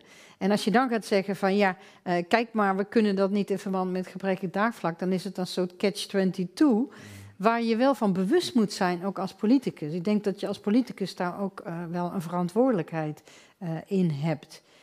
Mag ik nog heel even op die lotsverbondenheid, want ik, vind wel, ik vond het heel mooi wat Ronald zei, want als je kijkt naar het vluchtelingenverdrag, het is eigenlijk een Europees verdrag, zou je kunnen zeggen. Het is uh, tot stand gekomen naar aanleiding van de Tweede Wereldoorlog, dat Joodse vluchtelingen geen katten op kunnen, konden, werden teruggestuurd vanaf de grenzen de vervolging in. Um, en ja, nu lijkt het heel vaak alsof we het hebben over hele andere mensen. Maar het komt dus voort uit de situatie waar we zelf in hebben gezeten. En dat laat juist ook heel erg zien hoezeer we met elkaar uh, in, in verbinding staan. En inderdaad ook veel landen. Nou ja, denk ook aan Afghanistan of andere landen. Waar het Westen, waar ook Nederland wel een, zeker een bepaalde rol heeft gespeeld. Dat zijn ook allemaal dingen die je daarbij mee kunt uh, nemen. En dat heeft in ieder geval geleid tot een verdrag Waarbij het nu niet alleen maar is van. Um, vind ik dat ik een morele verplichting heb, maar dat er ook echt verplichtingen in het leven zijn geroepen. Vanuit het idee, het kan iedereen overkomen dat hij niet de bescherming kan inroepen van zijn eigen land. En dan moet er een oplossing zijn die, gezamenlijk, die alleen gezamenlijk kan worden uh, gedragen. Ja, ja. Je vertelde dat er um, uh, vreemd genoeg, of wat opvallend genoeg, bij alle partijen in dit debat, of alle politieke partijen, wel één overeenstemming is, namelijk opvang in de regio. Of, of derde landen die, die rol geven, zeg maar. Denk je dat verschillende partijen. Ja, de landen, de landen, hoor. Ik bedoel, niet, niet alle politieke partijen, maar de oh, lidstaten. Ja. Die verschillen overal in van mening. Ook soms afhankelijk van de geografische locatie. Maar op dat terrein, op externaliseren, zijn ze heel erg eensgezind. Denk, denk je dat ze om dezelfde redenen um, voorstander daarvan zijn? Nou ja, kijk, het lost in ieder geval de problemen voor hun op. Zij hoeven dan geen oplossing meer te vinden voor onderlinge verdeling, want die, uh, de verantwoordelijkheid ligt dan buiten hen. Dus ik, denk wat dat betreft dat het voor een heel groot deel uh, ja, gezamenlijk is. Kijk, Nederland heeft veel minder asielzoekers dan bijvoorbeeld Paul aan de buitengrenzen der landen. Maar uh, nou, de regering is ook bang dat mensen toch daardoor doorreizen naar hun land. Mhm. Of uh, voelt zich misschien ongemakkelijk omdat ze daar eigenlijk wel iets aan moeten doen, zeg maar, aan de situatie, de grenzen. Terwijl als je het weghoudt, en dat is ook een beetje, je hebt minder lotsverbondenheid, want je ziet het niet meer, het gebeurt ergens anders. Ja, is het toch altijd makkelijker om die verantwoordelijkheid dan niet te hoeven nemen. Ja. Maar uiteindelijk wordt er wel betaald door de EU voor dat soort opvang in de regio. Of er zijn deals. Uh, niet per se betaald in geld, of misschien deels, maar er zijn deals. Um, in zekere zin betalen we dan toch allemaal als EU-burgers daarvoor. En moet er dus toch een soort verdeelsleutel zijn van die, van die kosten al? Ja, maar dat is echt mondjesmaat. Mondjesmaat, Dat is echt mondjesmaat. De, de, de deals waar ik het over heb, is echt vanuit ons eigen belang met landen waar vluchtelingen doorheen reizen. En is niet per se uh, uh, echt naar rato geld betalen aan een land als Libanon, Jordanië, uh, waar de grootste vluchtelingenopvang plaatsvindt. Ja, en wat je ook al zei, dat ze, als er geldstromen zijn, komen ze vaak laat op gang. Ja, absoluut. Ja. ja. Okay. Michiel, je zei dat migratie een van de onderwerpen is in de conferentie voor de toekomst van Europa. Mm -hmm. um, het, het, rapport, of uiteindelijk het eindresultaat moet zijn, een, een, rapport neem ik aan, iets geschreven voor april, voordat de Franse presidentsverkiezingen zijn. Ja. Um, wat gaat daar dan mee gebeuren? Zeker, of, laten we even focussen op het onderdeel over migratie. Wat, wat zie je daarmee gebeuren? Ja, dat is heel lastig, want uh, zoals Tineke net al zei, de, de, Europese Raad wordt het niet eens met elkaar eens. En nu heb je dus de Europese Raad en de Europese Commissie en het Europese Parlement die met elkaar moeten gaan beslissen wat hieruit gaat komen. Mm -hmm. uh, er zijn al een aantal landen die hebben gezegd, zodra er enig sinds een verdragswijziging nodig is vanuit die conferentie over de toekomst van Europa, dan vetoen we het. Dan wordt het gevetood. Mhm. Dus um, wat ik denk is dat we pragmatisch moeten zijn en dat we moeten gaan kijken binnen de huidige verdragen van de Europese Unie wat er mogelijk is. Um, ik denk dat er landen zijn die al laten zien uh, wat, wat we met migratie kunnen doen. Um, maar wat ik ook denk, en, dat is, um, en, en, dan kom je toch ook wel bij een verdragswijziging wat nodig is, is wat we nu zien aan de Poolse buitengrenzen in Litouwen, dat, dat er toch vanuit de bevolking een soort intrinsieke behoefte is om dat beleid wat daar wordt gevoerd, dat men dat wil. De Europese bevolking wil dat. Dus ik denk dat we, als dat ook vanuit de conferentie naar voren komt, dat we daar zeker wat mee moeten doen. Dus ja, hoe dat, hoe dat precies verdragstechnisch uh, uiteindelijk daaruit voortkomt, dat, dat, dat weet ik niet. En, dat zou ook vanuit de Raad dan nog moeten worden onderhandeld. Daar heb ik ook als Europarlementariër geen invloed op. Maar um, ik denk dat daar wel iets mee moet worden gedaan. Ja. Ja, sorry, maar ik denk echt niet dat je kunt zeggen: de Europese bevolking wil dit. Nou ja, we zien het uit peilingen naar voren komen dat er, eh, en, en, dit was dan een peiling uit Nederland, uh, maar er zijn ook an, in andere landen peilingen gedaan, waarbij uiteindelijk dit beleid wordt gesteund. Mensen. Ja, maar wat, wat ik zag aan, aan de statistiek is dat uh, migratie, druk aan de buitengrenzen, als een prioriteit wordt gezien. Ja. En als een gevaar. ja, oké, okay, als een gevaar. Maar dat wil niet zeggen dat men, uh, zeg maar, feitelijk de pushbacks die plaatsvinden, mensen daar laten doodgaan in de bossen, dat dat wordt gesteund door de Europese bevolking. Dat denk, kijk, het is iets waarvan mensen het idee hebben van, wow, uh, het gaat om grote aantallen, wij kunnen dat misschien niet aan en dat, dat maakt ons onzeker. Mm -hmm. En daarvoor moet je een oplossing verzinnen. Maar je kunt niet één op één uh, uh, doortrekken dat wat daar nu, hoe daarop gereageerd wordt, dat dat op heel veel steun rekent. Nou, wat ik, wat ik wel in die zin interessant vind, is dat. Uh, wat, wat, wat je bijvoorbeeld eerder al zei, is dat er bijvoorbeeld op opvang in de regio, dat daar redelijk een, een, consensus over is dat dat. Kijk, als er echte vluchtelingen zijn, mensen echt op de vlucht zijn voor, voor, voor oorlog, dan moet daar iets mee worden gedaan. Dan moeten we die mensen kunnen opvangen. Um, maar wat we natuurlijk ook zien, en dat, dat miste ik ook net in, in het gesprek, is dat we hebben het over vluchtelingen, maar een, het gedeelte van de mensen die daar zit en die hier komt, dat zijn economische, illegale migranten. En die komen in, in die, die, worden dan naar binnen gehaald, dan moet er worden gescreend. En, en u, u, zegt dan, nou goed, die mensen zitten aan de grens, die moeten snel naar binnen, snel gescreend, snel gecheckt. En de mensen die mogen blijven, die mogen weer weg. Maar dat is, een, dat, dat is iets wat we al decennia lang proberen. Om die economische, illegale migranten zo snel mogelijk weer terug naar hun land van herkomst te sturen. Maar dat werkt niet. En mensen zien dat. En mensen zien de onrust die er ook maatschappelijk ontstaat vanuit die economische illegale migranten. En die zien de procedures maar opstapelen. En die zien dat het een druk heeft op de verzorgingsstaat. Dus ik denk dat er zeker wel iets voor te zeggen is dat dat beleid wat we nu zien ontwikkelen aan de buitengrenzen, dat dat het toekomstige beleid gaat zijn van de Europese Unie.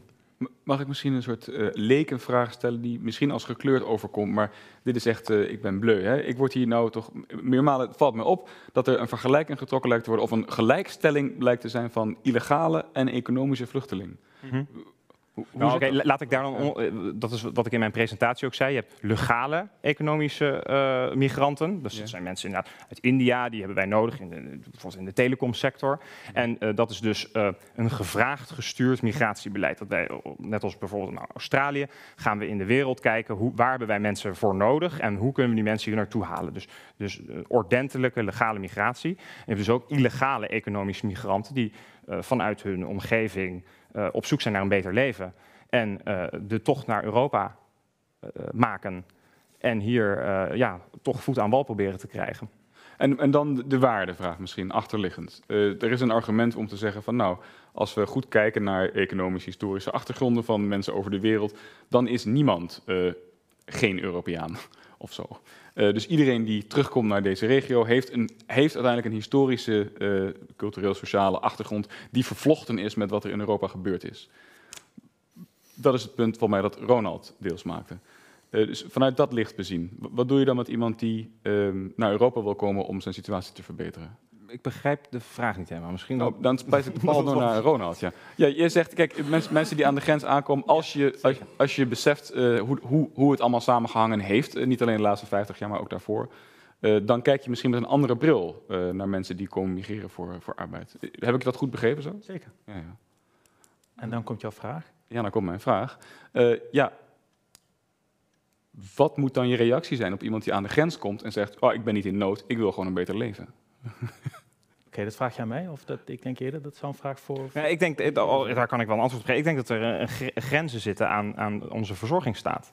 Ja. Dus de, de, vraag, die, de vraag die we eigenlijk moeten stellen is: willen wij uh, mensen hier onbeperkt kunnen opnemen? Willen wij een soort nou, de barmhartige Samaritaan zijn? En mm. mensen die het wat minder goed hebben, die kunnen hier komen en die kunnen een bestaan opbouwen. En uh, nou goed, uh, kom, kom, kom allemaal maar binnen. Open grenzen, een wereld zonder grenzen eigenlijk. Mm. Of gaan wij kijken naar: oké, okay, hoe willen wij ons eigen land, ons eigen continent gaan inrichten. We hebben een bepaalde levensstandaard, we hebben een bepaalde verzorgingsstaat. Kunnen we dat in stand houden door, als, wij, uh, al, als, door, door, als wij die migratie in, in, willen toestaan. er zijn studies, onder andere door dokter Jan van der Beek van de UvA, die zegt, nou, dat, dat is niet houdbaar. Mm. nou goed, dat, dat zijn politieke keuzes die we maken. Maar ik, ik, denk dat er zijn heel weinig mensen die daarvoor pleiten, hè? open grenzen. Uh, ik, denk, ik gaf antwoord op de vraag. Ja, ja, ja nee, heel, heel, heel logisch. Maar ik denk dat, dat het heel belangrijk is, inderdaad, wat Ronald al eerder zei, dat je uh, een duidelijke scheiding maakt tussen over wie heb je het eigenlijk. Want het vluchtelingenverdrag gaat ook echt, is juist bedoeld voor mensen die bescherming nodig hebben, uh, dat die ergens naartoe kunnen. En het punt uh, wat jij net maakt, Michiel, van uh, we kunnen dat allemaal niet meer aan en niet iedereen kan terug en dergelijke. Daar is eigenlijk niet zo goed een oplossing voor. Want als mensen hier zich bij de grens melden en zeggen ik heb bescherming nodig, dan zul je dat eerst moeten onderzoeken. Je kunt niet zeggen van, ja maar uh, uh, uh, anders blijf je misschien hier, dus kunnen we je niet houden, dus, dus beginnen we er niet eens aan. Dat, de kern van het asielrecht is dat iedereen kans krijgt om een verzoek in te dienen en dat dat ook zorgvuldig wordt onderzocht. Ja, want anders maak je je eigenlijk schuldig aan, um, refoulement noemen we dat, aan het terugsturen naar een plek waar iemand vervolgd wordt. Dus, dus je mag een, een, een, een um, hoe zeg je dat? Je, je, je mag een, uh, um, een onderscheid maken en een filtering uh, maken. Um, en bij arbeidsmigratie kun je inderdaad gewoon zeggen van daar mag je eigen belang meespelen. Van ja, hoeveel ruimte is er op de arbeidsmarkt om daar ook mensen in toe te laten. Maar ik denk wel dat je eerlijk moet zijn van de arbeidsmigratie die we hebben, ziet vooral op hoog opgeleide mensen of gespecialiseerde, bijvoorbeeld IT. Buiten de EU van buiten de EU, terwijl uh, er enorme uh, tekorten zijn, ook in andere sectoren. En als je dat niet regelt, dan lok je ook in feite uit uh, dat mensen illegaal hier naartoe komen zonder papieren, omdat ze hier kunnen werken.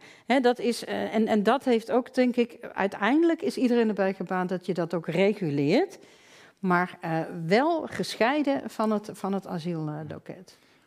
Mag ik daar heel kort op reageren? Uh, is goed, en dan gaan we naar Ronald dan heb ik nog een vraag. Ik, ik, ik vind het uh, juist die, in die andere sectoren hebben we nu dus EU-arbeidsmigratie. Ik zei net turfsteken, dat deden mijn voorouders. Ik bedoelde aspergesteken. Um, uh, dat, daar hebben we nu juist die EU-arbeidsmigratie voor. Dat er vrij verkeer van werkers is. Dus als er behoefte is vanuit een bepaalde sector voor werknemers, dat we binnen de gemeenschappelijke markt daar dus juist naar op zoek kunnen. En juist een, een gestuurd migratiebeleid op het gebied van hoger opgeleid. Dat ze dus inderdaad ook dat we als sectoren kunnen kijken. We hebben mensen uit India nodig. We hebben mensen uit um, um, uh, Amerika nodig. We hebben mensen uit Canada nodig. Dat we mensen daar kunnen werven en hier naartoe kunnen halen, omdat daar een behoefte aan is. Ja, maar er is ook behoefte in andere sectoren. Dat is wat ik wil zeggen. Die, die je niet helemaal kunt oplossen met EU-vrij verkeer. Dat, dat, dat, en dan moet je dus gestuurd over de wereld gaan kijken. Waar kunnen we die mensen vandaan halen? Ja, ja, maar dat gebeurt dus niet. Daar is op dit moment nog geen beleid voor om andere sectoren dan zijn we het lager opgeleid. Ja, precies. ja. Ronald, ja. wel iets. Ja, het, was, het was enkel een, een, opmerking op een vraag die je eerder zei. hoor. Dus ik, ik zei toen straks de, de taal die je gebruikt eigenlijk om over zo'n Europees asielbeleid te spreken. Ook over de rechtvaardigheid daarvan is denk ik belangrijk. Het, het framet ook op een bepaalde manier. Het... Uh, het zet iets op, ook op een bepaalde manier neer. Ik, ik vond wat je net zei over illegaal en legaal, vond ik eigenlijk misschien een terechte. Je zou kunnen zeggen, we hebben het over uh, gewenste en ongewenste uh, migranten. Of we hebben het over gevraagd en ongevraagd. Ehm, ik vind het wel ja. nieuwsgierig en curieus dat we dan toch gebruiken legaal en illegaal. Ja. Waarom, waarom gebruiken we geen andere termen? Louter uit nieuwsgierigheid. Ik vind alle termen die u zojuist gebruikt, eh, vind ik toepasselijk. Maar dat zou eerlijker het zijn. Grappige is, ja, ik vind gevraagd en ongevraagd beter dan gewenst en ongewenst. Want vluchtelingen hebben helemaal geen legale middelen om te hmm. komen, maar het zijn niet per se ongewenst, ze hebben zelfs een recht op asiel. Um, in, in het Engels gebruik je ook, is het steeds meer gebruik geworden om niet illegal te gebruiken, maar irregular. En dat vind ik al een stuk humaner dan illegaal. Dat zit er bij ons nog heel erg in die talen in. Ja. Maakt dat uit? Hoe moet het noemen? Ja. ik, denk, ik denk de manier taal, waarop je... Eh, taal doet er wel toe. Taal is belangrijk. En ik denk ook de, de, de gedachten die erachter zitten... vertalen zich ook in een bepaalde verwoording. Ja. Je roept ook een bepaald beeld op. Ook als je het over angst hebt of uh, onveiligheid. Ja. Ja. dan heb ik misschien nog een laatste vraag... voordat we naar de uh, vragen uit de Mentimeter... eventueel en natuurlijk ook de zaal gaan. Um, misschien weet ik het antwoord hier al op, hoor. Maar um, denken jullie dat um, alle problemen rondom migratie uh, zeg maar, het, migratiebeleid van de EU kraakt. Zo, dat begrijp ik heel duidelijk. Je bent ook aan de grens geweest en dingen gezien. Uh, we willen allemaal dat het opgelost wordt. Is dat nou een debat over de methoden van uitvoering? Of is dat een debat over wie moeten we in eerste instantie überhaupt willen toelaten? En uh, moeten we daarna nog gaan nadenken over methoden? Zijn we nu aan het aanrommelen over methoden, uh, terwijl we eigenlijk ook radicaal verschillen van mening? Uh, of willen we allemaal hetzelfde, maar weten we gewoon niet hoe het het beste uit te voeren is? Ja, ja, ja. dus, welke barrières lopen jullie, tegen, jullie tegenaan? En zijn dat empirische barrières? Zo van, dit is een betere manier? Of is het ideële barrières? Nee, dat moeten we niet willen. Ik denk dat, dat, dat, dat wat we nu aan de Poolse grens zien... en wat we eerder uh, bij Erdogan uh, in Turkije hebben gezien... is dat uh, de druk nu wordt opgevoerd om iets te gaan doen. Om, om beleid te gaan maken. En... Um, wat ik al in mijn presentatie ook zei, we zien dat dictators nu misbruik maken van de zwaktes die wij hebben in de Europese Unie. En wat mijn mening daarop is, is dat, uh, of in ieder geval wat mijn partij daarvan vindt, is dat als je dus mensen gaat toelaten vanuit die landen, die dus eigenlijk als ammunitie op ons worden afgestuurd, als, als chantagemiddel, als je die mensen toelaat, dan geef je toe aan de dictators en dan geef je eigenlijk toe aan hetgene wat zij willen. Dus maar wat is die zwakte? Je zei, hij maakt misbruik van onze zwakte. Ja, is de zwakte dat wij er nog niet over uit zijn wat we eigenlijk willen? Of is de zwakte dat wij in praktische zin niet weten hoe we het moeten aanpakken? Beide. Beide. Ja, we weten niet wat we willen en we weten niet hoe we het moeten uitvoeren. Ja, dus. Ik heb het idee inderdaad wat de, de belangrijkste reden is dat we uh, het onderling nou ja, niet eens zijn uh, over die morele plicht. Ja. En dat er steeds meer ook discussies ontstaan over de juridische plicht. Uh, het, het, lijkt allemaal, het ligt allemaal nog duidelijk in wetgeving, maar het wordt wel steeds meer ter discussie gesteld. Van waarom is dat eigenlijk? En waarom zou het fout zijn om mensen van de grenzen uh, weg te sturen? En die deals, dat is wel interessant dat je dat zegt van uh, dictators maken gebruik van onze zwakke plekken. Met de deals die wij sluiten, maken we ook onszelf wel enigszins kwetsbaar. He, wij, als, je, als, wij een dictator gaan betalen om migranten tegen te houden, ja, dan hoef je maar te wachten als wij kritiek leveren of wat dan ook iets doen wat ze niet welgevallig is. En huppatee. En, en Lukashenko heeft daarvan geleerd. Maar ik zou het wel heel erg. Kijk, ik vind dat je dan niet het antwoord mag zijn dat je hetzelfde doet. Want wat er gebeurt aan de grenzen nu, daar maken, instrumentaliseren wij de migranten net zo goed hè, in de strijd, de machtsstrijd met Lukashenko. Dat, hè, en Lukashenko lacht van, oh, dus met die rechten en die waarden bij jullie is het ook allemaal niet zo uh, serieus. Dus dat moet je niet doen. Um, maar uh, uh, wij moeten wel voor onszelf een antwoord hebben, duidelijker formuleren welke verantwoordelijkheid wij vinden dat we hebben ja. en hoe we die gaan vormgeven. Dit is een hele mooie brug naar de eerste vraag die ik hier van de, uit de Mentimeter heb. I iemand vraagt naar uh, ja, waarom het zo is, en je stipt het eerder al aan, dat er door landen straffeloos uh, mensen teruggestuurd worden zonder bescherming. Uh, men, de, de vragensteller schrijft, ze houden zich niet aan de regels en de waarden die in Europa zijn afgesproken. En daarmee plaatsen deze landen zich buiten de Unie. Ja. Ja. ja, ja hoe, hoe, gaan we dit oplossen inderdaad? Ja, dit, ja het is ongelooflijk. Ik bedoel, ik, ik sta echt te te kijken naar hoe dit kan. Uh, de Europese Commissie is de enige handhaver eigenlijk in, in de EU. Hè. Die, die is guardian of the treaties. We spreken ze al heel vaak aan op de pushbacks die openlijk plaatsvinden. En toch uh, komen ze niet in actie. En je kunt denken, ja, misschien lastig als ze ook al aan het onderhandelen zijn en ze moeten die landen meekrijgen aan de onderhandelingstafel. Maar dat is het niet alleen. Volgens mij is het ook, het is echt gebrek aan politieke wil om ze aan te pakken. Ja, en daarmee denk ik dat je vanzelf uh, op een glijdende helling bent gekomen en dat op een gegeven moment um, feitelijk ge, nou ja, eerst gedoogd, maar straks ook gelegaliseerd wordt. Je zegt gebrek aan politieke wil, maar uh, er is ook gebrek aan juridische wil dan, als ik het bedoel. Nou ja, politieke wil om gebruik te maken van de juridische instrumenten, om te handhaven, om zo'n land voor het Hof van Justitie te dagen. En andere lidstaten ook, hè? want Nederland zou Griekenland ook voor de rechter kunnen dagen. En dat gebeurt ook niet. Want ja, wat zeg je tegen een land die je alleen laat met uh, de druk uh, op het asielsysteem? Dus het is allemaal heel ongemakkelijk. Wegkijken is dan het antwoord. Zelfs Frontex, het agentschap wat we daarheen sturen om die landen te helpen, mm. zelfs die kijken weg. En zelfs dat wordt gedoogd. Dus het, uh, het is, ik zie het niet anders dan een gebrek aan politieke wil. Want de juridische mogelijkheden zijn er zie het vooral als een, um, een, een, kwestie waarin de praktijk het theoretische debat inhaalt. En dan zien we dat we nu mensen aan de buitengrenzen hebben staan. Dat die worden tegengehouden, dat er hekken worden gebouwd, dat er muren worden neergezet. En ik denk dat er een reden is dat er geen actie tegen wordt ondernomen. Omdat de landen die nu die onze buitengrenzen beschermen, die kunnen ook zeggen, kom maar binnen en loop maar door.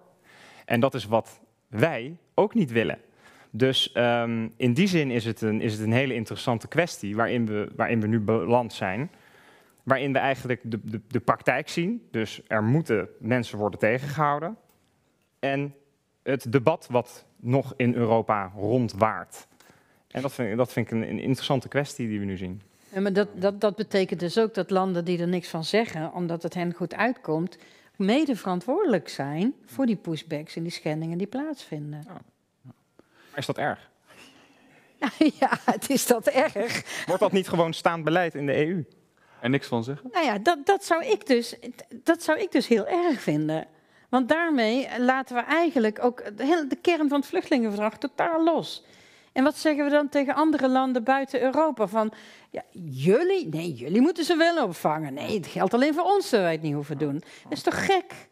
Nou, ik vind de, de, de, wereld is toch veel te klein om te denken dat wij ons aan alle verantwoordelijkheid kunnen onttrekken? Nou, ik vind het interessant wat u zei, dat het, het, het, het VN-vluchtelingenverdrag, of in ieder geval, de, dat is een, ook een Europees verdrag. Dat is uh, vanuit... Ja, hier ontstaan, ja. Hier ontstaan. Of door de situatie. Ja, en dat is uit een hele andere tijd. En we zien nu dat, er, dat, dat de wereld is geglobaliseerd. Uh, we zien dat Lukashenko mensen uit gebieden haalt. Dus ze komen niet naar hem toe. Nee, hij haalt ze uit die gebieden en hij stuurt ze naar onze grens. Nou goed, dan denk ik dat wij als Europa of als EU moeten zeggen, nou dan, dan, dan is het de verantwoordelijkheid van de heer Lukashenko om voor die mensen te zorgen. Tineke, Michiel en Ronald, heel erg bedankt voor jullie bijdrage vanavond. Erg informatieve lezing en leuk gesprek. Hartelijk dank. Ook heel hartelijk dank aan het Liaison Office of het Liaisonbureau eh, van eh, het Europees Parlement in Nederland. Dank u wel voor het mogelijk maken van deze avond. En natuurlijk heel erg bedankt aan u, het publiek, thuis en achter de buis. Ik ben benieuwd hoe vaak dat nog mag zeggen. Um, uh, voor uw aanwezigheid hier. Volgende week zijn er nog twee uh, Radboud Reflex, of verder wederom twee Radboud Reflex activiteiten. Ik zie hier staan dat we op dinsdag 23 november over labels in het onderwijs gaan spreken. En donderdag de 25e over de duistere kant van Kant. Dus uh, ja. Um, ik, ik, hoop u daar weer te ontmoeten. Sprekers, nogmaals hartelijk dank. En dit was onze avond. Fijne avond.